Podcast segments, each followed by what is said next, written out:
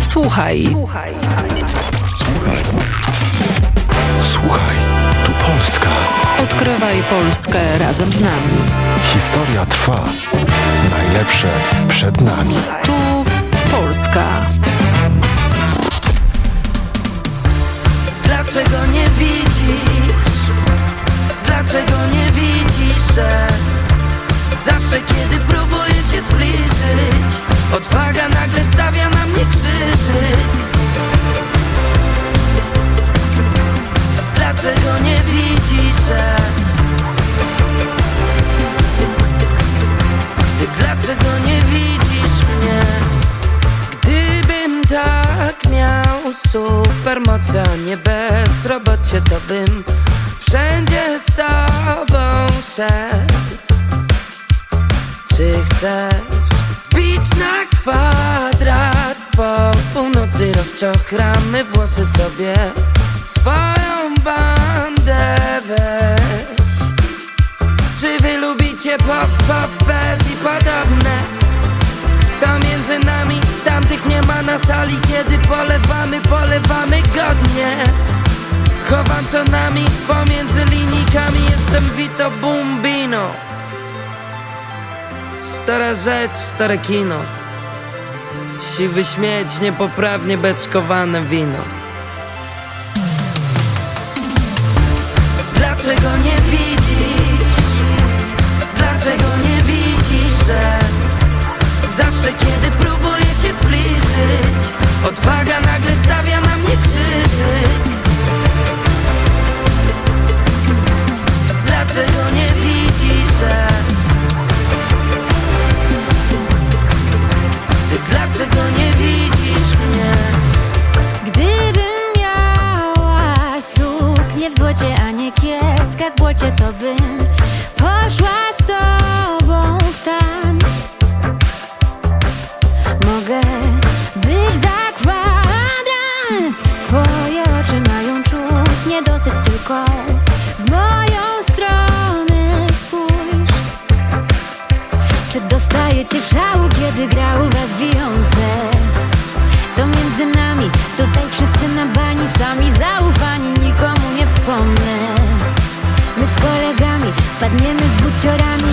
Sanach Montanach. Mały koncert mam w planach. Od kiedy pamiętam, trochę gubię się w słowach i zdaniach. Dlaczego nie widzisz? Dlaczego nie widzisz, że Zawsze kiedy próbuję się zbliżyć Odwaga nagle stawia na mnie krzyżyk Dlaczego nie widzisz, że Ty dlaczego nie widzisz mnie?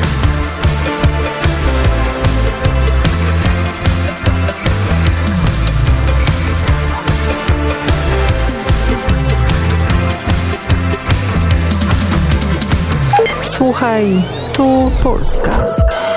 Dzień dobry, witam Państwa na kolejnym odcinku programu Słuchaj tu Polska. 107 років цього року виповнюється з дня смерті брата Альберта Хмельовського, польського святого, учасника січневого повстання, людини, яка пережила війну, полон, репресії, духовну кризу і, зрештою, реалізувалася в соціальних проєктах в мистецтві, а також чоловіка, який став втіленням допомоги для безнадійних. Альберт Хмельовський досі навчає всіх, як стати людьми в нелюдські часи. Зокрема, він говорив: людина має бути доброю як хліб. Вона має бути як хліб, що для всіх лежить на столі, від якого кожен може собі взяти шматок і поїсти, коли голодний. Його найбільший мистецький твір малюнок Екцехом, на якому біблійний сюжет Ісус в терновому вінку на подвір'ї Пилата. Хмельовський дружив із митрополитом Андреєм Шептицьким і був одним із найбільш шанованих людей серед львівської і краківської бідноти. Написавши у 1880 році знакове полотно Екце Хомо, він пережив переломний момент. Альберт Хмельовський покинув художнє мистецтво, приєднався до єзуїтів у монастирі в старому селі під Львовом, але пробув там недовго. Альберт впав в страшну депресію, мав нервові розлади. Майже рік лікувався на Кульпаркові, це психіатрична лікарня у Львові. У січні 1882 року Альберт Хмельовський поїхав на Поділля до родинного маєтку в Кудринцях, де жив його молодший брат Станіслав. Багато подорожував, їздив Поділлям, був також на Волині і Підлящі. Саме тоді він зблизився із францисканцями, зокрема із отцем Леопольдом Погожерським із Шаргорода, це на Вінниччині, з яким він мав багато духовних розмов.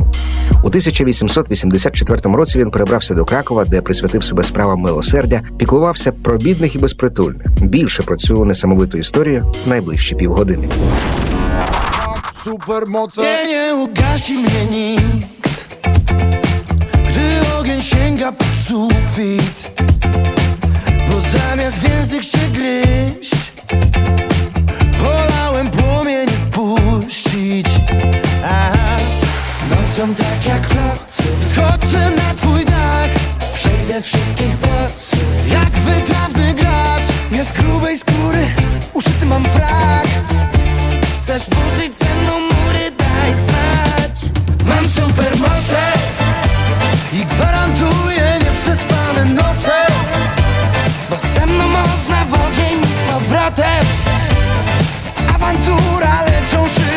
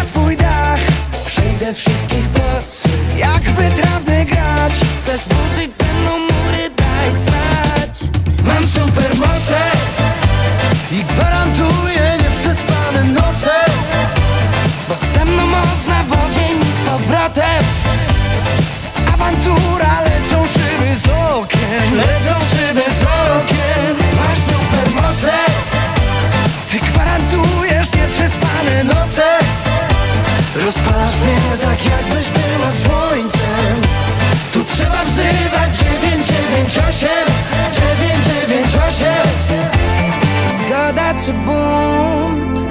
Co robimy? Powiedz słowa czy ruch? Ja wolę czyny, czyli teraz i tu Zatańczymy, wbijaj ze mną na groove Kiedy wbijam na osiedle Mam supermoce, dzwoń pod 998 Mam supermoce, dzwoń pod 998 Mam supermoce, dzwoń pod 998 Mam supermoce, mam, mam supermoce. Mam supermoce I gwarantuję nieprzespane noce. Bo ze mną można w ogień z powrotem. Awantura, lecą szyby z okien Lecą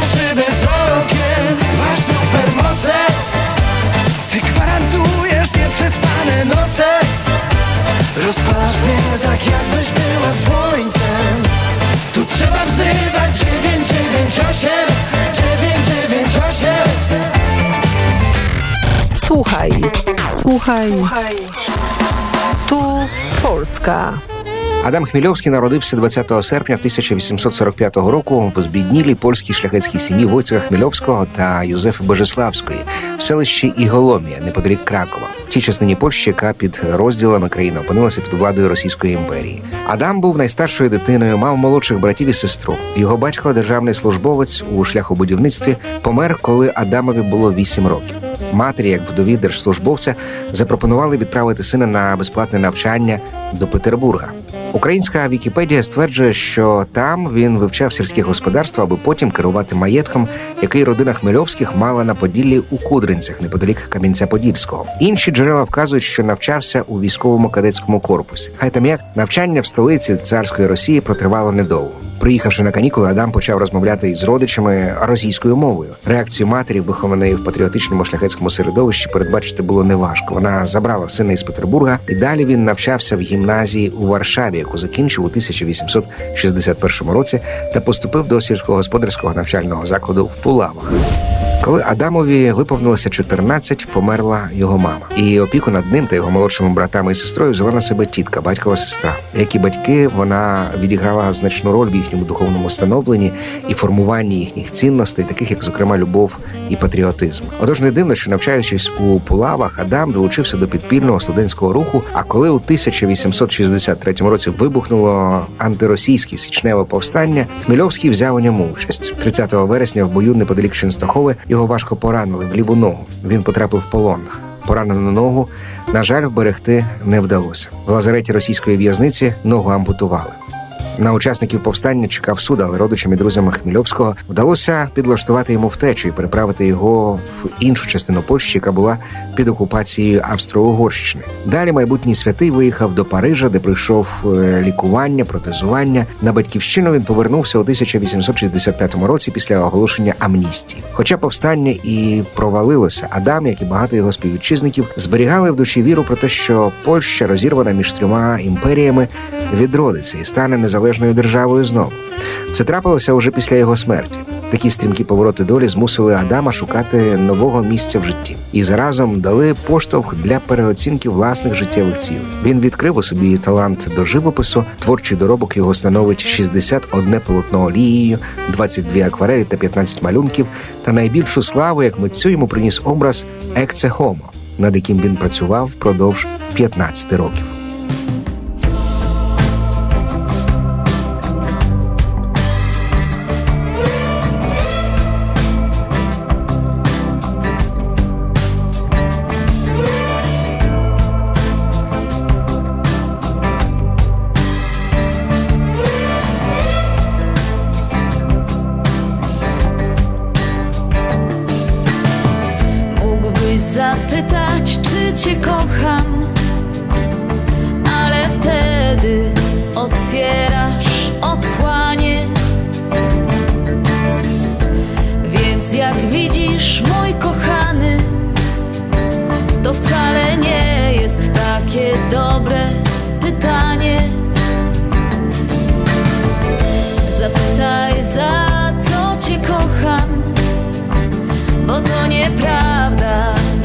Kocha się za nic. I to nieprawda, że za wszystko.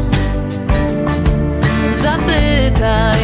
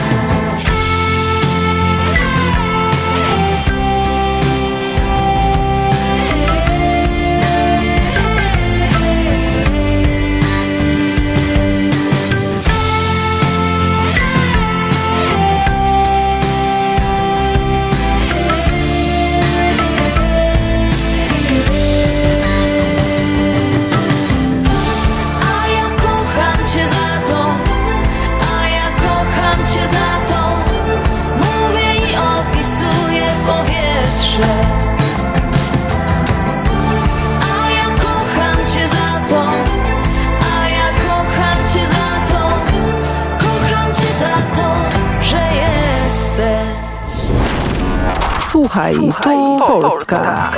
Всім привіт на польсько-українському проєкті Слухай ту Польська. Сьогодні ми розповідаємо про Адама Хмільовського, польського святого, який пережив війну, полон, а також згодом знайшов нове призначення і нову місію в богопосвяченому житті і служінні найбіднішим. Здобувши славу талановитого художника, Адам Хмельовський здобув і численних шанувальників та багатих меценатів в аристократичних колах Кракова, а потім і Львова, де мешкав впродовж 1879-80-х роках. Попри популярність, він не мав зіркової хвороби. Весь час Адам не перестав шукати того, до чого його кликав Бог, регулярно брав участь в богослужіннях, відчував прагнення залишити мирське життя і почати жити чернече. Для цього він вступив до ордену єзуїтів. Однак невдовзі звідти довелося йти. Причиною став нервовий зрив, що трапився під час 30-денних реколекцій. Не бажаючи ні з ким спілкуватися і, можливо, втрачаючи інтерес до життя, Адам не повернувся ні до Львова, ні до Кракова, а виїхав на Поділля до сімейного маєтку в Кудринцях, де по смерті батьків господарював молодший брат Станіслав.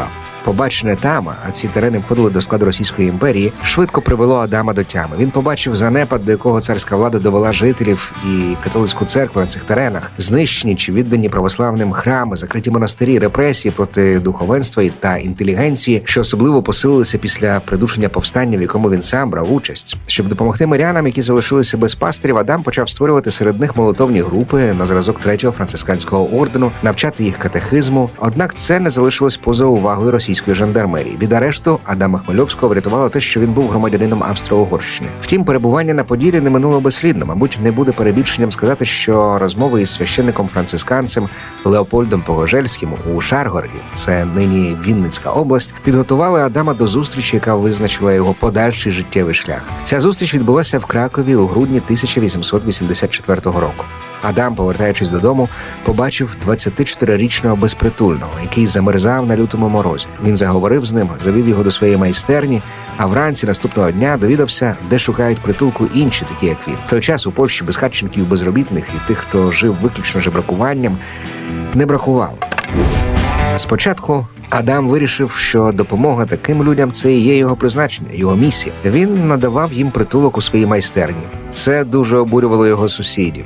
Вони навіть скаржилися на нього поліції за те, що купа бомжів приходять ночувати в нормальний будинок. А далі Хмельовський домовився із міською владою, аби йому надали приміщення для облаштування пункту обігріву для бездомних. Однак зробленого притулку для бездомних у Кракові Адамові Хмельовському здавалося замало. Та й далеко не всі, кому він хотів допомогти, вірили в його щирість, намірів. Такою вже є людина. Бідні та знедолені майже завжди з підозрою, а нерідко і з ненавистю приховано чи не приховано дивляться на заможних і благополучних. Як подолати цей бар'єр?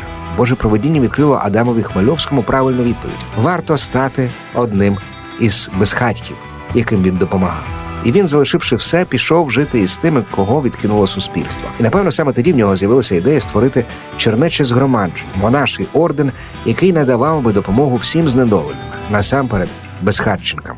Першим кроком до здійснення став вступ до третього францисканського ордену. З рук митрополита Краківського кардинала Альбіна Дунаєвського він прийняв терціарський габіт, взяв ім'я Альберт. 1888 року Альберт Хмельовський, не бувши формально членом жодного чернечого згромадження, склав монаші обіти, отримав благословення на створення чернечої спільноти, монашого ордену, який би займався допомогою безхатченкам, бездомним, безробітним, алкоголікам і взагалі усім потребуючим відкинутим суспільством. Обґрунтовуючи необхідність такої діяльності, брат Альберт сказав, що потрібно кожному дати їсти бездомному місце, голодному одяг, без даху над головою шматка хліба. Той може хіба лише красти або жебрати для виживання.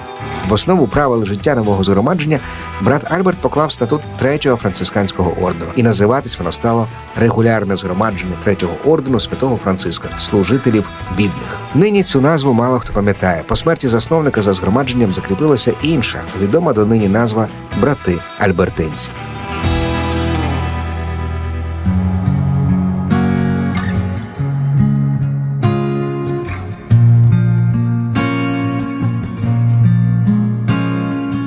Różny mam sen. Samolot okej. Nie szkoda mi łez Tych po nocach. Listopad to zło. Nucę non stop Krótki mam ląd Więc mnie kochaj. Słucham na full. Czekam na ślub. Zachód nie wschód. W obcych oknach czasem mam dzień, Przesadzam to wiem Lecz tęsknię, że hej Już na schodach. Zanim cię poznam Bo jak na razie widzę tylko twój cień. Ostatnia prosta. Nie wiem tylko czy polubisz mój dzień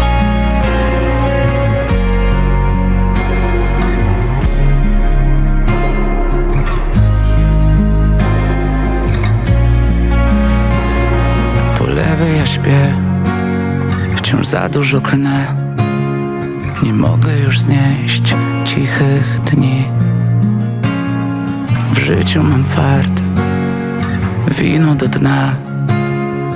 Gitara gra tu po nocach. Nie dla mnie już blok Dla dzieci chcę dom. Zabiło mnie coś, co ich nie spotka cię poznam Bo jak na razie widzę tylko twój cień. Ostatnia prosta. Nie wiem tylko czy polubisz mój dzień. Zanim cię poznam Bo jak na razie widzę tylko twój cień Ostatnia prosta. Nie wiem tylko czy polubisz mój dzień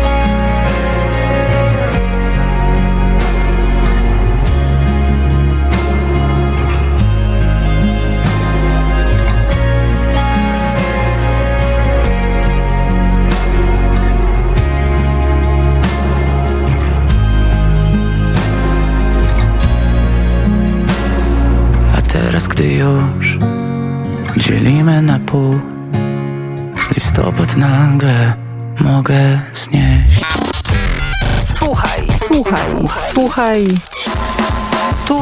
Tu Несучи допомогу знедоленим, брат Альберт ніколи не обмежує її тільки тим, щоб щось дати. Від нього часто можна було почути, коли рятуєш людину, завжди давай їй якийсь вихід у світ. Інакше немає сенсу цю людину рятувати. Статися це може тільки через заохочення цієї людини до праці, що дасть їй можливість заробляти собі на життя. Так у Кракові при притулкові для бездомних було організовано виробництво меблів, а у Львові створено цех, що виробляв цвяхи. Такого підходу до допомоги бідним брати альбертинці дотримуються і сьогодні, також і в Україні, куди вони змогли повернутися після відновлення нашої незалежності. Спочатку у Львові, а 2002 року осередок згромадження постав у Запоріжжі, куди братів альбертинців запросив тодішній ординарій Харківсько-Запорізької дієцезії єпископ Станіслав Падевський. Особою брата Альберта Хмельовського дуже цікавився Кароль Войтила. 1949 року майбутній папа написав про нього п'єсу Брат нашого Бога. 1997 року за мотивами цього твору зняв одноіменний фільм відомий польський режисер і сценарист Кшиштоф Занусі. 1983 року святий Йоанн Павло II проголосив брата Альберта Хмельовського блаженним, а 12 листопада 89 року оголосив його святим. Якось проголошуючи проповідь під час молебню з нагоди 50-річчя завершення земного життя та в намірі беатифікації брата Альберта Хмельовського, Кароль Войтила, тоді митрополит Краківський, сказав: милосердя і християнство це одне й те саме. Якби десь не було милосердя, там немає християнства. Покровитель бідних, брат Альберт Хмельовський, зробив усе, аби підтвердити ці слова своїм життям.